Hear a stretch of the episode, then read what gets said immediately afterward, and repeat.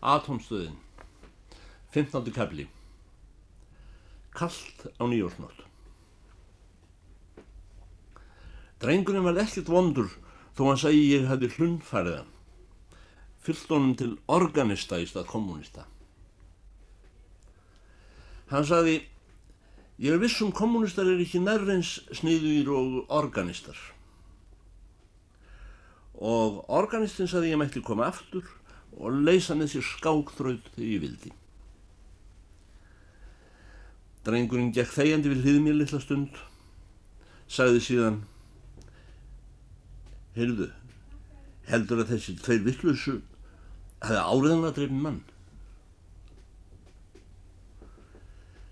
Það held ég frá, sagði ég. Ég heldur hafi bara verið að stríða prestinum. Ef þeir eru í sambandi við Guð, þá hafa þeir leiði til að drepa menn, saði hann. En ég held ekki þeir séu í sambandi við Guð. Ég held þeir séu alvanalegi menn, nema vittlausir. Heldur þú ekki að þeir séu vittlausir sem segjast fyrir í sambandi við Guð? Það getur vel verið, sagði ég. En ég held líka þeir séu dálíti vittlausir sem stela mingum og skambissum út asni, saði hann. Það var nýjásnótt og gekk á mig slittugjæljum. Ég var hróðug og fegin, eða var ég það ekki, að hafa farið án þess að mæla orð við þennan ókunna lögreglumanna norðan. Leita ekki einu sinni í áttina til hans allt kvöldið þó ég var skoðan góðs árs fyrir síðasækið eins og hinn. Ég hefði nú ekki átt annað eftir. Skulum ganga hraðara, saði ég við drengin. Mér í þessum sáslaga. Hann náði mér við hliðið. Annað hvort hafði hann hlaupið eða farið í bíl því hann satt eftir í eldúsinu hjá organistanum þegar við fórum. Hvað viltu maður, saði ég. Ég sé þig aldrei, saði hann. Ég veit ekki betur en þú voru að horta á mig í allt kvöld, saði ég. Ég hef ekki séð þig í bráðum tvo mánuði, saði hann. Hvað vill hann, spurði drengurinn, á ég að kalla lauruguna? Nau, vinnu, saði ég, flýttir inn að hótta, ég kem að vörmuspóri. Þegar drengurinn var farinn, spurði norðanmaðurinn. Hvað segnastu reyð mér? Hef ég gert nokkuð að hluta þinn? Já og nei, saði ég. Erum við ekki vínur, saði hann. Ég veit það ekki, saði ég. Ekki lítur út fyrir það. Og nú stend ég ekki lengur úti í nefjór háslaga. Hondur með mér, saði hann. Eða ég kemur þér upp. Til hvers, saði ég. Ég þarf að tala við þig. Ég ætti nú ekki annað eftir, saði ég. Fyrst fer ég með þér heim um nótt af því að róla sem öngan þekkir. Hurki. Ég hef vist haldið við mundu verða kunningjar. En síðan líður mánuður. Þar á eftir líður mánuður. Þér er ekki einu sinni í huga síma. Loksins á endanum hittumstuða tilvílun og þá þykistu allt í unum þurfa að tala við mig um hvað þarf það að tala. Ég þarf að tala við þig, saði hann. Er það ekki Kleopatra sem þú átt við, saði ég. Síðan gekk ég þessi þrjú fjóður spór frá hliðinu upp að húsinu og opnaði. Hann kom á eftir mér. Býtu, saði hann, þegar ég var komin yfir þröskuldin. En hann gerði önga tilraun að taka í hurðina á móti mér og held ég þó ekki fast í hana. Hann stakk ekki heldur fæti myndi stafsóðurðar þegar ég lokaði, en varði eftir fyrir utan.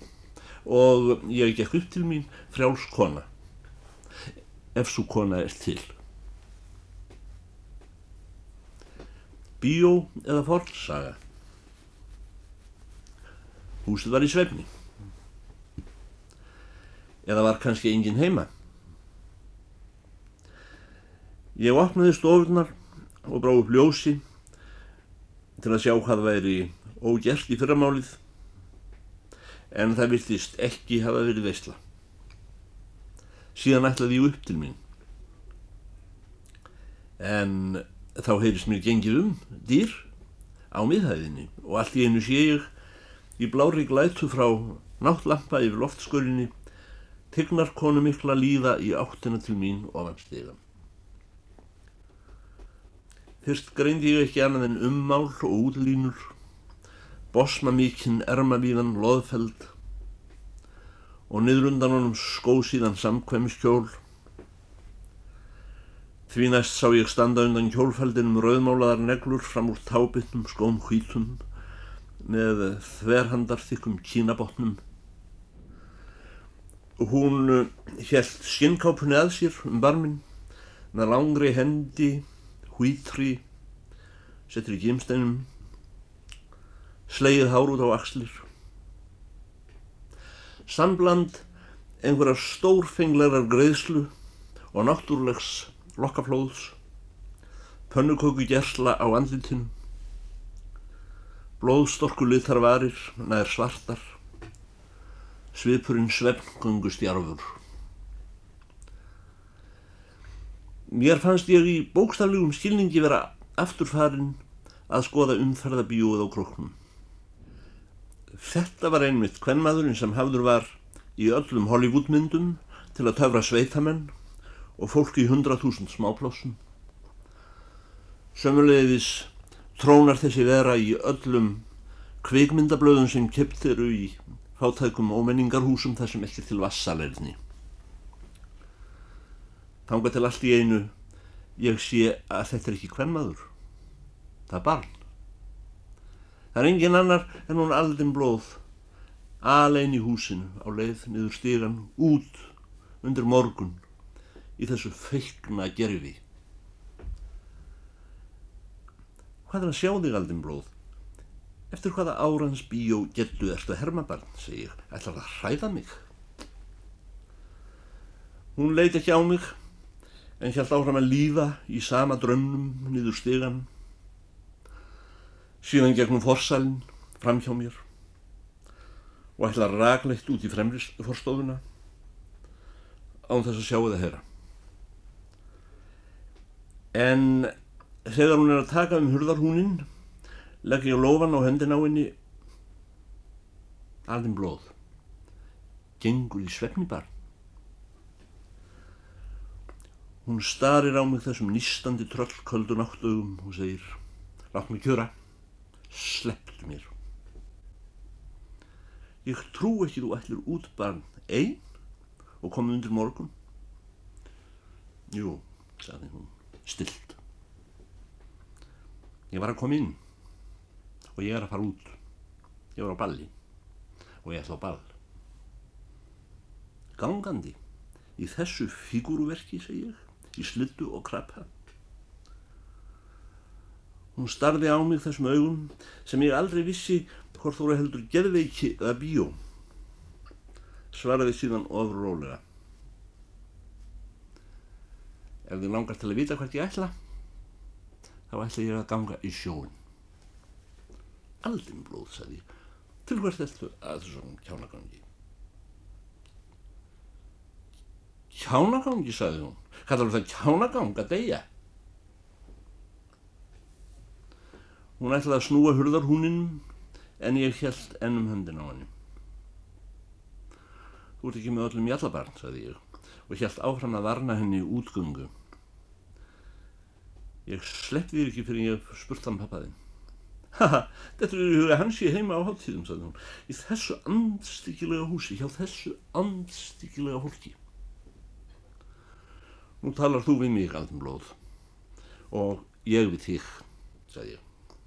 Aldrei skal það, sagði hún, og holhljóðið sem þetta formsagna orðalag hefði í munni hennar reyndi hún að bæta upp með því að ráðast á mig. Hún barði mig nokkrum sinnum með kreptum nefanum þó ekki hnúanum heldur eins og barn með handarjöðrunum síðan reyndi hún að býta en eh, ég sleppti henn ekki út og hún nefndi ekki að fljúast á því mig lengi. Þegar hún sá hún hefði ekki við mér sneri hún aftur inn í forsalinn. Og sem hún stóð þar á miðjugólfi eftir átökin let hún loðfeldin mikla síga eins og hún væri að missan ofan af smáum ökslunum niður á golf. Það let hún hann liggja eins og nokks konar álaga ham og var orðin mjóslegin telpa með klöfskar, ofliðugar, kálfsreyfingar í kroppnum. Nýpraði sér kuðung í sofahorni, svo hnén námiðu höku, með krepta nefana fyrir augum og greið, fyrst með stórum kippum og gríðar andvörpum, síðan rattað eins og barn hrín. Þá sá ég að þetta verði ekki allt tómur sjónleikur. Eða var það svona góður sjónleikur? Ég reyndi að fara sem gætilega staðinni hvað er að? Er ekki hægt að bæta neitt úr því? Get ég ekki neitt? Hún tók nefana aftur frá augunum og skók þá út í loftið upp og niður með samskonar hreyfingum verið að þeita tvo bullustrokka í senn, gretti sig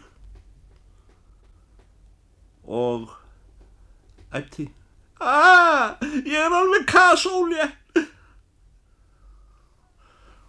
Og fandarnir var mér á orði. Þetta var þeim líkt. Og hann dansaði ekki við mig allan nótt.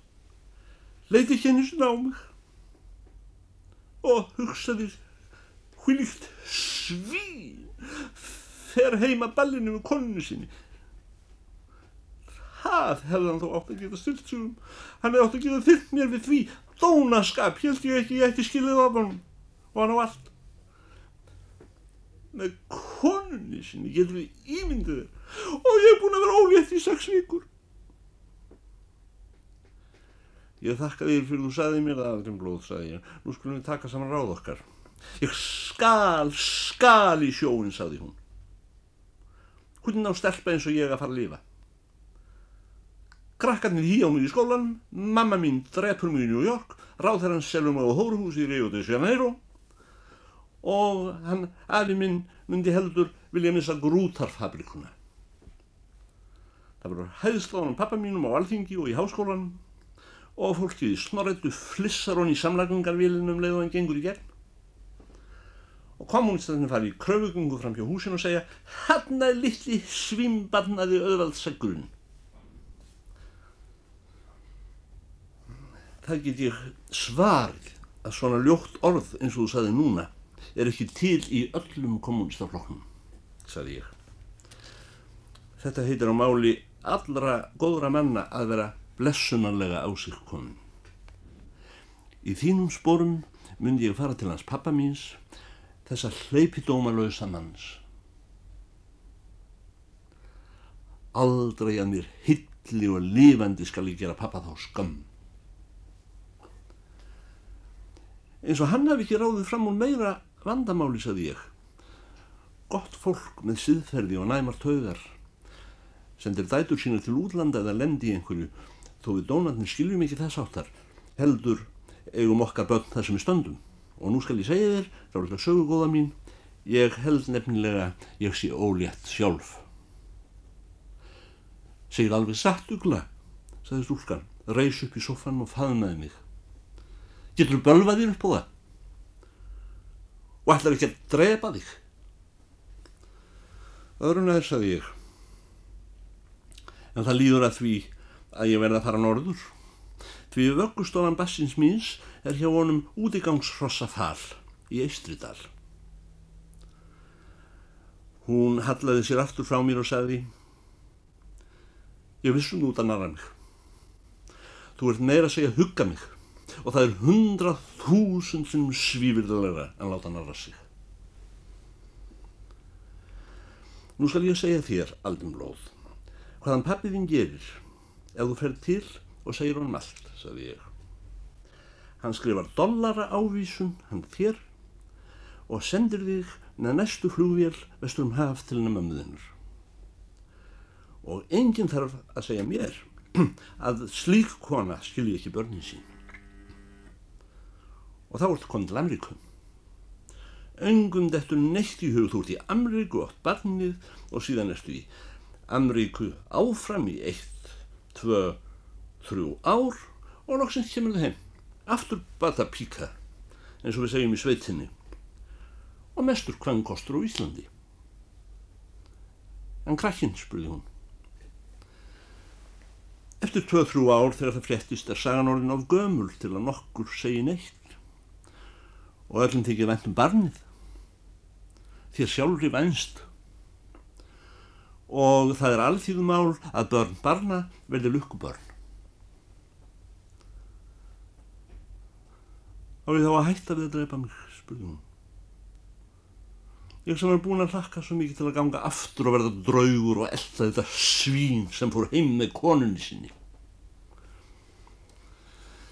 Kallmennum stundur og sagði maður þó hvern menn dreipis, sagði ég. Ef nokkuð er þá verður feignir. Þá losnum þeir við allt rex. Hún spurði eftir nokkra íhugun. Heldur þónum finnist þá ekki að það hafi verið hann sem draf mig? og svaraði sér sjálf. Besti að ég trúaðan hefði öngva samvisku í raun og veru ætti ég að drepa hann eða hvað finnst þér? Ætti ég ekki að fara af honum eins og í fótsóðunum og drepa hann í nótt? Það gerðu konur aldrei í fótsóðunum, segði ég. Aftur á móti höfðu þær það til að lofast í annað sinn og senda síðan setni ástmannin við henduleika á fund hins fyrir. Það var síður þeirra að láta þann sem er unnu minna högva hinn sem er unnu meira.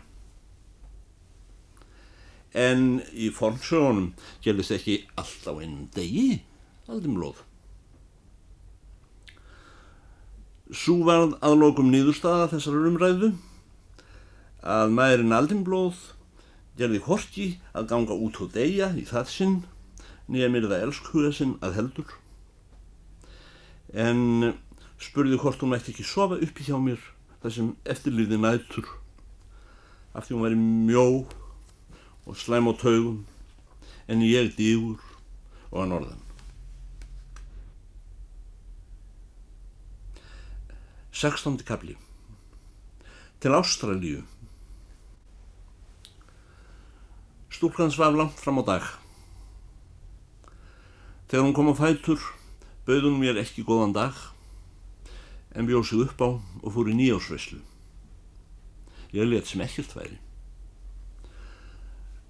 Þó vissi ég ekki nefn að hún kynni ennað hlaupa í sjóun þegar minnst varði. Enginn gæti verið örugur um þetta barn. Undir kvöld var hringt í síman. Það var hún. Hún talaði með heitum hjartsláttarandardrætti eins og hún hefði drukkið vín, sótt hröðu fasi. Þú mátt ekki segja pappa neitt, pappa má aldrei vita neitt. Ég ætla að strúka. Strúka, sagði ég. Hvert? Til Ástralíu, sagði hún. Ég er trúlofuð. Til hemmingju, sagði ég. Takk, sagði hún.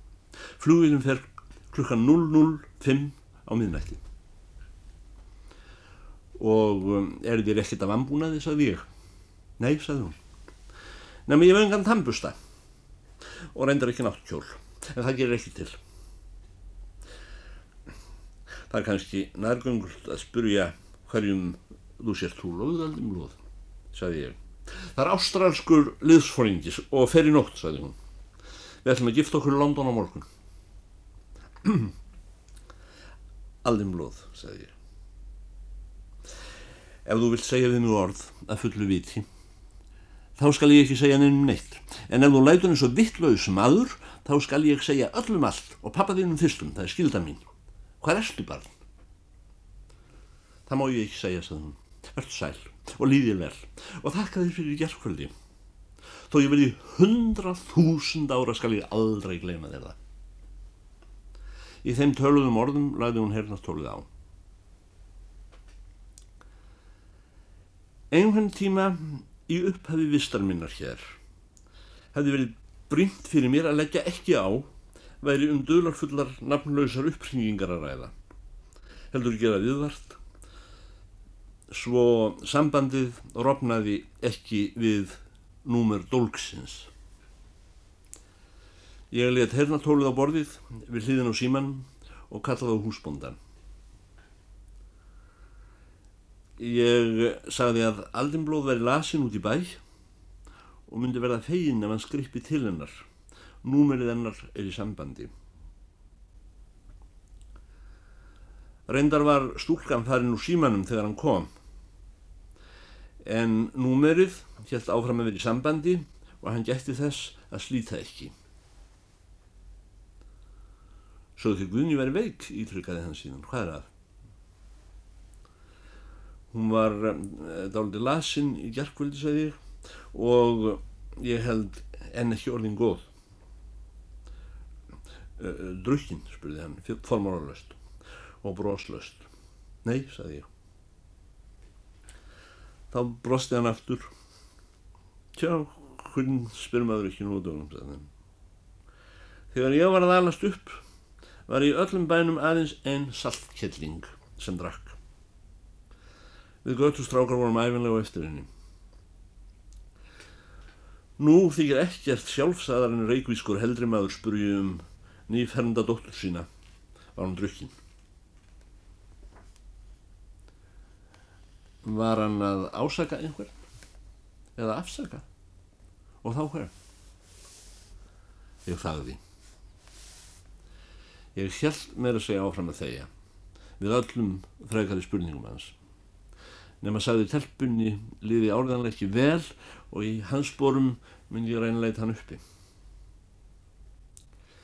Hann hætti að brosa aftur, horfi á mig rannsökull, ypti brún og var komin með glerugum sín millir fingrana, andaði á glerin og fæði þau og ekki örgrand um að fingurnir á honum veru óstyrkir. Síðan let hann á sig glerugum og sagði ég takk fyrir fyrir. Hann fór í frakka, sett upp hatt og gekk út. Saði dýrunum, því eh, gerðið svo vel að láta síman standa í sambandi áfram. Ég heyrði hann bakka út bílnum. Móðin mín í kví kví. Um kvöldið fór ég snemma að sofa og þegar ég vaknaði aftur held ég komið verið morgun eða jafnveld dagur og ég hefði sofið mig uppi því húsbóndin stóð sjálfur á þröskuldinu. Ég spratt upp í rúminu og hváði perndruð. Ég veit að ljótt að vekja fólkum með að nættur, saði hann, með þeirri kyrlátu vökuró sem verkar svo annarlega á vaknandi mann. Og held áfram. Eh, það var eins og þið sögðu. Guðni litlu leiti álítið illa en líður álítið illa enn. Ég leitaði þá allir í fannana og um, ég fór með hann til kunningja minns læknis bráðlýðurinn er betur. Þér eruð trúnaðan aður hennar. Hún treystir yfir viljið þér fara inn til hennar og vera hjá henni? Klukkan var fjögur. Fadir hennar hafði hlotið að bera hann í fanginu úr bílnum og upp til hennar því hún var ekki gang hún lá náföl í bekk með augun aftur barns andlit og úfið hár svarta rauðan strókinn af vöruminni, farðinn úr kinnunum. Fadir hennar hafði tekið af henni skóna en ekki fært hann úr kápunni. Hún hvorki hærðist niður blakaði auga þó hún heyrði mig koma. Ég gekk til hennar og settist framan á hjá henni og tók í höndin á henni og sagði aldinn blóð. Eftir drikklanga stund opnaði hún augun og hvíslaði Það er búið, ugla. Hann pappi minn let mig vera hjá lækni. Það er búið. Hvað var gert, sagði ég. Hún sagði. Hann kyrði mig upp með járnum. Hann draf mig. Það lágu blóðuðar tællur á einhverju í skálinni. Í skálinni? Hvað skál? Ég emaleraði í skál. Ég færði hann úr fötunum og í náttkjól og uh, laði hann upp í rúmið hennar og hún var mátt vana af deyfilufjum og hálf utan við, annað vefið, með veika títrandi stunu.